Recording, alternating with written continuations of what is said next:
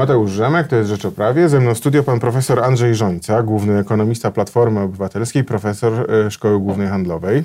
Dzień dobry. E, panie profesorze, Platforma Obywatelska ogłosiła e, program wyborczy, tak zwana szóstka schetyny. Ja bym się chciał skupić na tym elemencie dotyczącym gospodarki, zasad zatrudnienia pracowników, licznych zwolnień, ulg, premii,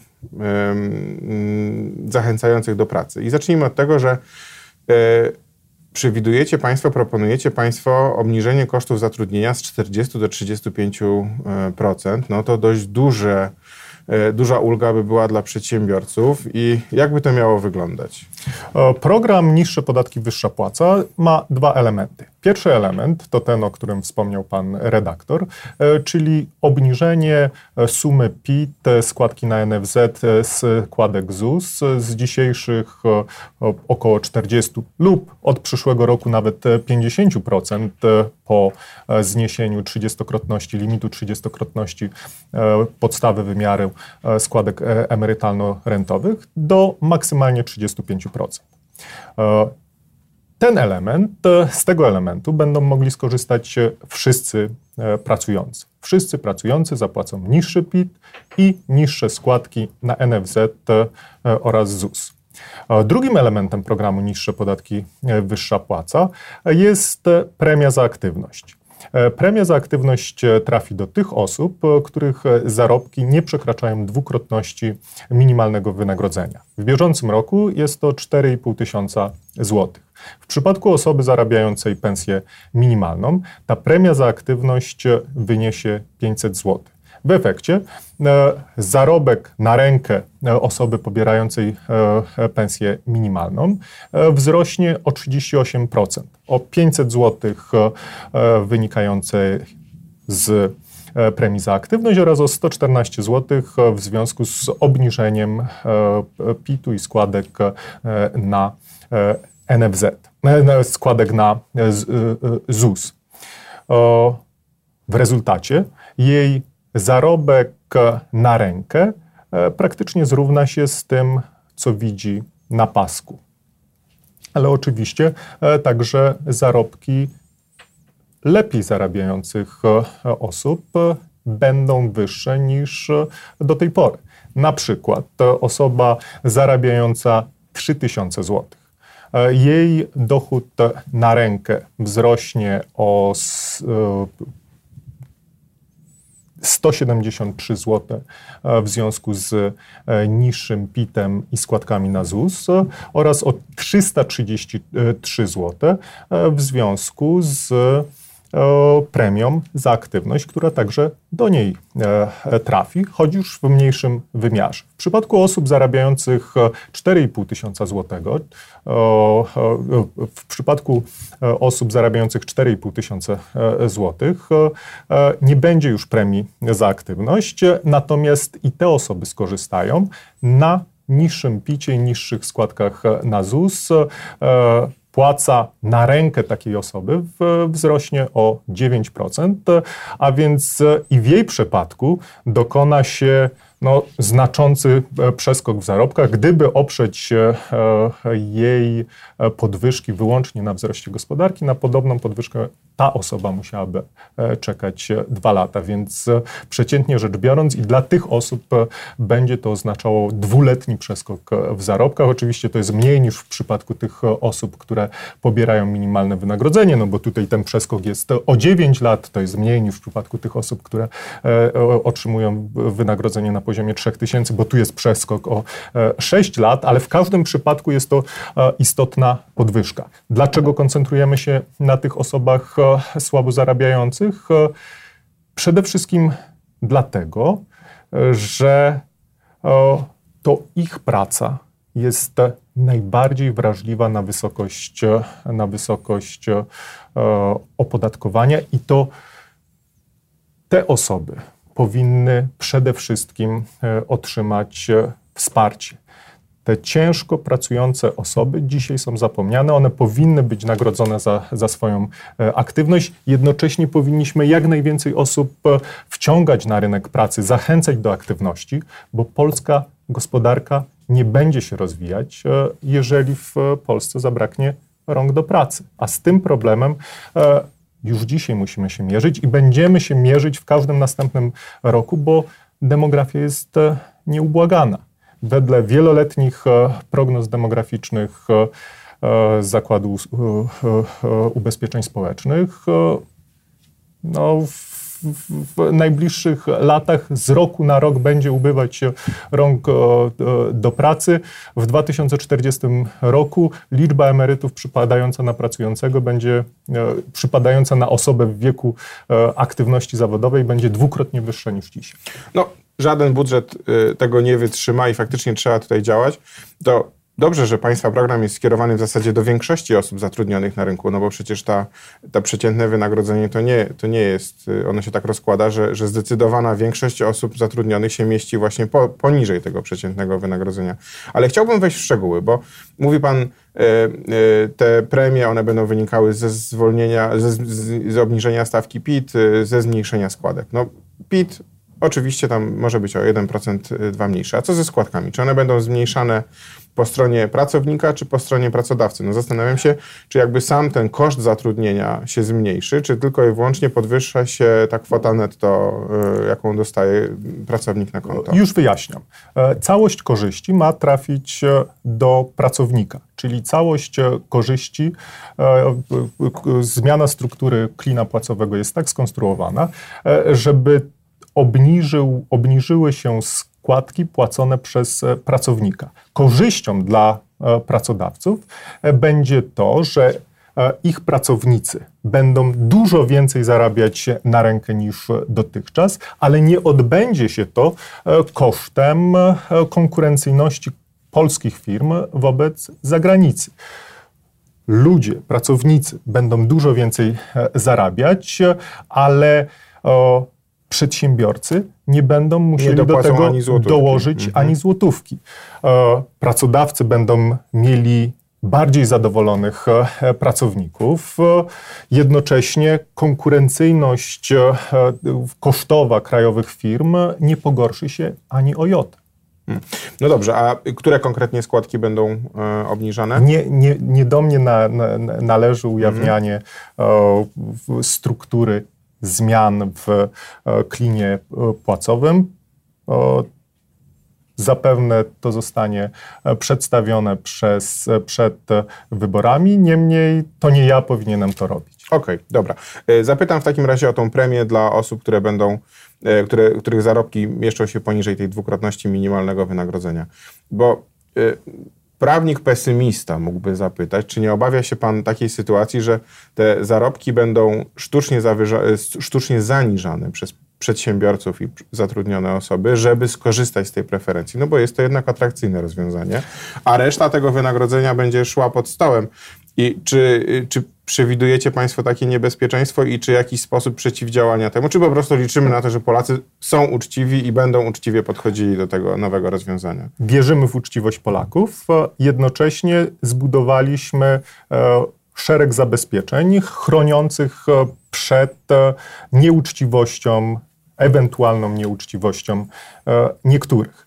Pierwszym zabezpieczeniem jest to, że przecież obciążenia nakładane na pracę będą w wyniku naszego e, programu e, niższe podatki, wyższa płaca, niższe niż do tej pory, a więc mniej, a nie bardziej e, będzie się opłacało zatrudniać w, w szarej strefie. Więcej w przypadku tych najniższych zarobków, płacy minimalnej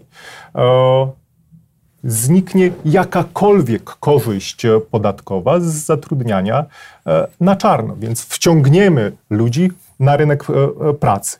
Po drugie, sama premia za aktywność jest skonstruowana w taki sposób, że będzie ona zmniejszała się o złotówkę przy wzroście wynagrodzenia o 4,5 złotego. Proszę wskazać mi pracownika, który zgodzi się zarabiać o 4,5 złotego mniej, żeby otrzymać e, złotówkę premii za aktywność. I wreszcie e, trzecie zabezpieczenie. Otóż e, w naszym programie gospodarczym jest także przebudowa podatków po stronie przedsiębiorców. Otóż chcemy promować wzrost firm, mierzony sumą zysków i funduszu płac, a więc w sposób najmniej podatny na manipulacje.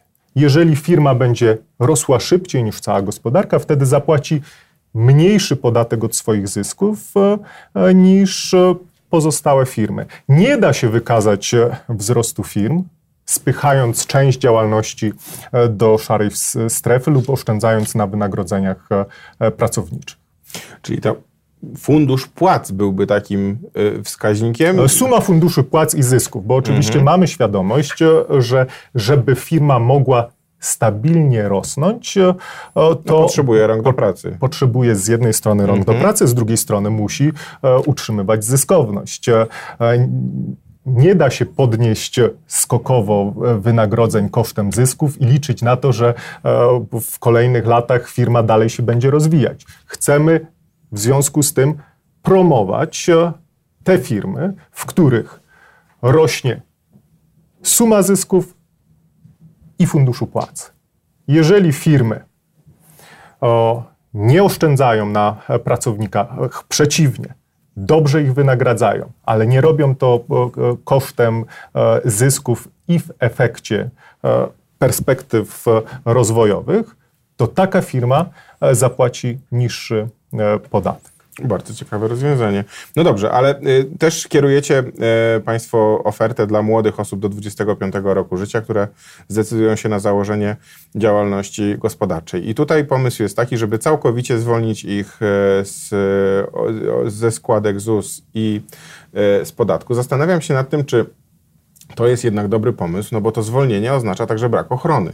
No i to jest takie trochę zwolnienie kosztem tych młodych y, osób. No, na łamach Rzeczpospolitej wielokrotnie żeśmy y, rozważali te obecne plany wszystkie dotyczące właśnie te, te, tego pasa startowego dla młodych, czyli braku obowiązku zapłaty składek przez pół roku, czy tych niższych składek dla osób z niższymi przychodami. No bo jednak to ta ulga, ona się nie odbywa kosztem państwa, które mówi na przykład zapłacicie niższe składki, ale będziecie mieli pełną ochronę, tylko odbywa się kosztem tych zatrudnionych, no bo jakby oni nie płacąc składek, tracą ochronę.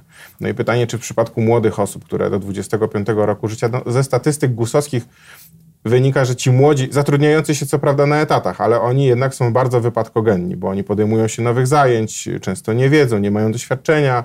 No ja sobie wyobrażam, że ktoś zakłada, zakłada działalność gospodarczą, kupuje sobie samochód na przykład i nie wiem, na przykład dostarcza gdzieś jakieś towary, no i nie daj Bóg, coś mu się dzieje. No i on korzystając z tej promocji, no, zostaje trochę też na lodzie. Czy tutaj jest jakiś Przygo pomysł na to, żeby ich ochronić jednak? Przygotowaliśmy e, projekt tej ustawy dwa lata temu. Ona od dwóch lat leży w sejmowej e, zamrażarce. Przygotowaliśmy e, ją w konsultacjach z partnerami społecznymi. Ja rozmawiałem zarówno z organizacjami e, pracodawców, e, jak i e, rozmawiałem z, ze świętej pamięci już przewodniczącym OPZZ. Ta ustawa ma zachęcić młodych ludzi do zakładania działalności gospodarczej. Jest ona kierowana do tej grupy osób, e, która dzisiaj jest dużo mniej aktywna niż e, ich koledzy i koleżanki e, na Zachodzie. I to rozwiązanie, które proponujemy, ma być prawem, ale nie obowiązkiem. obowiązkiem. Mhm. Innymi słowy, jeżeli dany młody człowiek zakładając działalność e, gospodarczą, będzie chciał opłacać e, składki, być ubezpieczonym, będzie miał do tego prawo.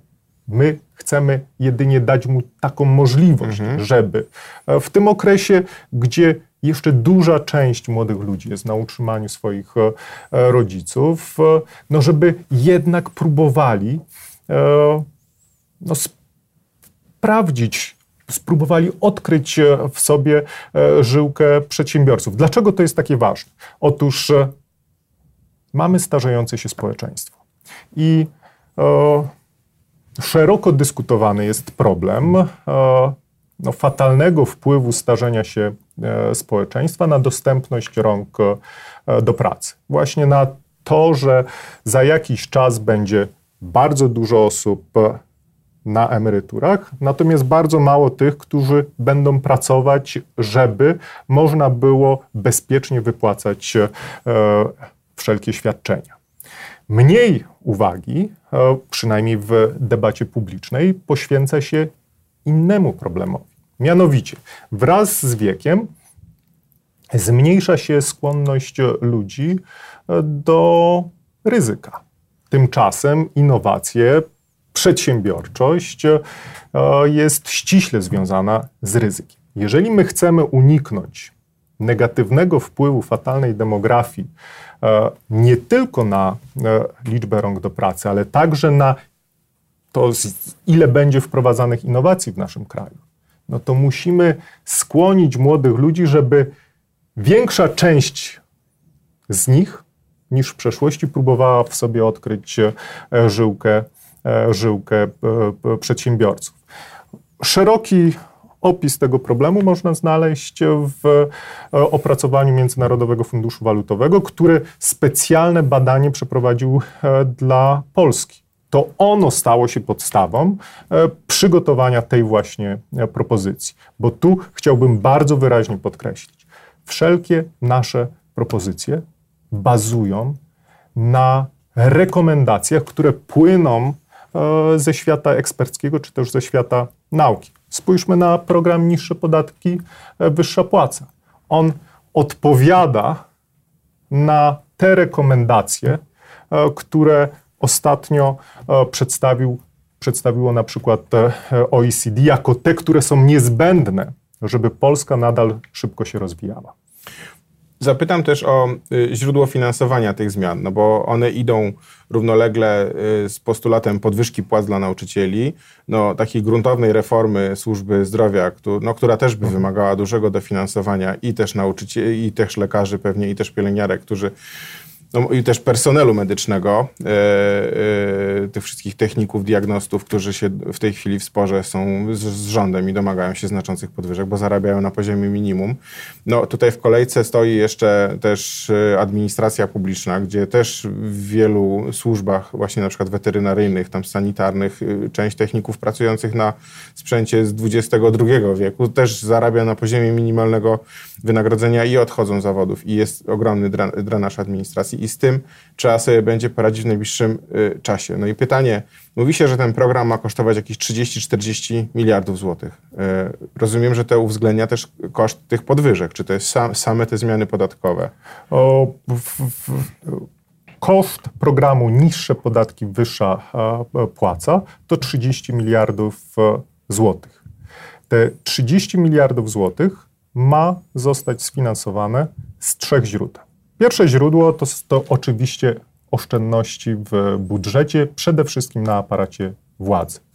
E, do projektu e, budżetu na 2019 rok e, Platforma Obywatelska zgłosiła szereg poprawek, wychwyciła kilkadziesiąt patologii w rodzaju następujących. Otóż nie ma żadnego uzasadnienia, żeby Ministerstwo Sprawiedliwości miało budżet dwuipółkrotnie wyższy niż w 2015 roku. Nie ma żadnego uzasadnienia, żeby kancelaria Senatu, żeby dwór e, marszałka Karczewskiego kosztował dwa i pół raza tyle, co w 2015 roku. Nie ma żadnego uzasadnienia, żeby e, kancelaria premiera Morawieckiego kosztowała dwa razy więcej niż w 2015 roku.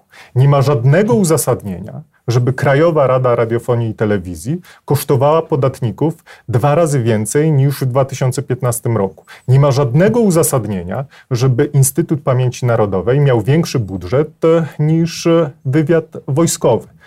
Tego rodzaju e, patologie czy wyeliminowanie tego rodzaju patologii to oszczędności rzędu 5 miliardów złotych.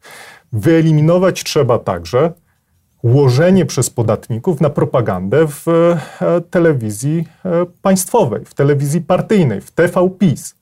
To kolejny miliard e, złotych. Drugim źródłem finansowania są dochody, które obecna władza zaniedbuje. Co tutaj mam na myśli? Po pierwsze, dochody z dywidend z dzisiaj upartyjnionych firm. W 2015 roku z dywidend do budżetu państwa trafiło 6 miliardów złotych. Przez 3 lata rządów PiS do budżetu nie trafiło nigdy więcej niż 3 miliardy złotych z dywidend. Gdyby obecnie upartyjnione spółki były efekty zarządzania nimi, odpowiadały średniej e, dla spółek prawa handlowego. Z dywidend do budżetu powinno trafić 9 miliardów e, e, złotych. Platforma czy Koalicja Obywatelska przedstawiła program odpartyjnienia przedsiębiorstw. Program oparty na trzech bezpiecznikach. Więc tu istnieje poważne źródło dodatkowych e, dochodów. Innym źródłem e, dochodów, które zaniedbuje obecna władza, e, jest zablokowanie sprzedaży ziemi polskim rolnikom. Ta władza o, zwiększyła sprzedaż e, ziemi za, granicy, za, za granicy, natomiast e, polskich rolników od ziemi e, odcięła. W przeszłości ze sprzedaży ziemi uzyskiwano 2 do 4 miliardów e, złotych, więc to są ko kolejne poważne pieniądze. No i wreszcie trzecie źródło wzrost gospodarczy. Obecnie e, potencjalne tempo wzrostu polskiej gospodarki e, wedle różnych szacunków to około 3% rocznie. Utrzymanie takiego tempa wzrostu e, gospodarczego, e, oznacza w trakcie kadencji o 90 miliardów złotych e, więcej środków w sektorze finansów publicznych. Żeby te pieniądze nie rozeszły się na cele, które już teraz budżet finansuje, trzeba mieć w polityce fiskalnej priorytety. I program niższe podatki, wyższa płaca będzie takim priorytetem. Co więcej, przyspieszenie o jeden punkt procentowy wzrostu gospodarczego zwiększyłoby e, dochody budżetu w trakcie kadencji o 30 miliardów. Skądinąd to jest właśnie mniej więcej koszt e, programu niższe podatki, e, wyższa płaca. Koalicja Obywatelska przedstawiła cały szereg działań wzmacniających wzrost gospodarczy. E, tym oczywiście ważnym działaniem jest sam program Niższe podatki, wyższa płaca, bo przecież ten program, obniżając radykalnie e, obciążenia, zwłaszcza od niskich płac, a więc tych wrażliwych e, na wysokość opodatkowania, zachęci do większej aktywności. Tymczasem wciąż jesteśmy w ogonie Europy pod względem aktywności zawodowej. Jeśli przedsiębiorcy nie będą e, e, mieli takich problemów, jakie mają dzisiaj ze znalezieniem e, pracowników, to będą chętnie inwestować. Do inwestowania zachęci ich także radykalne uproszczenie systemu podatkowego, a w efekcie jego ustabilizowanie, no bo prosty system podatkowy może być stabilny. Zwrócę Pana uwagę, że dzięki programowi niższe podatki, wyższa płaca, wystarczy jeden przelew od całego funduszu płac, jedna operacja. Dzisiaj e, przedsiębiorca musi wykonać 14 operacji, żeby wyliczyć e, w, w, wszelkie składki e, i podatki, i to dla każdego pracownika e, z osobna. Więc e, i z powodu tego, że e, zwiększy się aktywność, a więc dostępność rąk do e, e, pracy. I z tego powodu, że podatki będą e, prostsze i stabilniejsze, powinny wzrosnąć e, inwestycje. Zarazem polskie przedsiębiorstwa nie zachowają swoją konkurencyjność wobec zagranicy co będzie sprzyjać e, pogłębianiu międzynarodowej wymiany e, handlowej, a międzynarodowa wymiana handlowa jest podstawowym nośnikiem transferu technologii z zagranicy, który mhm. z kolei jest źródłem wzrostu produktywności nie tylko w naszym kraju, ale w, w, w każdej otwartej e, gospodarce. Dzięki inwestycjom, w szczególności w nowe technologie, Polacy będą więcej zarabiać, a od swoich zarobków będą płacić e, podatki, e, podatki i składki. Powiedziałem, to jest jeden z programów, ale takich programu my przedstawiliśmy całe, te, te, te, całe, mnóstwo, całe mnóstwo ustaw leży w, w sejmowej zamrażarce, począwszy od przywrócenia swobody robienia zakupów w niedzielę, przez oddanie aptek pacjentom, które PiS oddał aptekarzom, aptekarzom mhm. przez przywrócenie E, możliwości rozwoju e, energetyki e, wiatrowej i tak dalej, i tak dalej. No dobrze, panie profesorze, no brzmi to naprawdę bardzo pięknie. Zobaczymy, czy to się potwierdzi, jak już poznamy dokładnie szczegóły, jak poszczegóły. A te szczegóły były prze, przedstawiane i debatowane z ekspertami na forum mm -hmm. programowym w, w, początku, w, w, początku lipca. My jesteśmy bardzo otwarci na, na, na e, kontakty z ekspertami. Ja tylko e, e, podzielę się informacją, że nad propozycjami dotyczącymi przedsiębiorców myśmy spotykali się z, z, od kilku miesięcy z wszystkimi największymi organizacjami przedsiębiorców praktycznie e, co tydzień, więc te nasze pomysły tak naprawdę e, są e, pomysłami ekspertów i partnerów społecznych, w których głos my się wsłuchujemy i, i, i staramy się przekuć te różne bolączki, które nam są przez nich zgłaszane, na rozwiązania które pozwolą te bolączki e, złagodzić. No dobrze. Bardzo panu dziękuję za rozmowę. E, moim i państwa gościem był profesor Andrzej Żońca, główny ekonomista Platformy Obywatelskiej.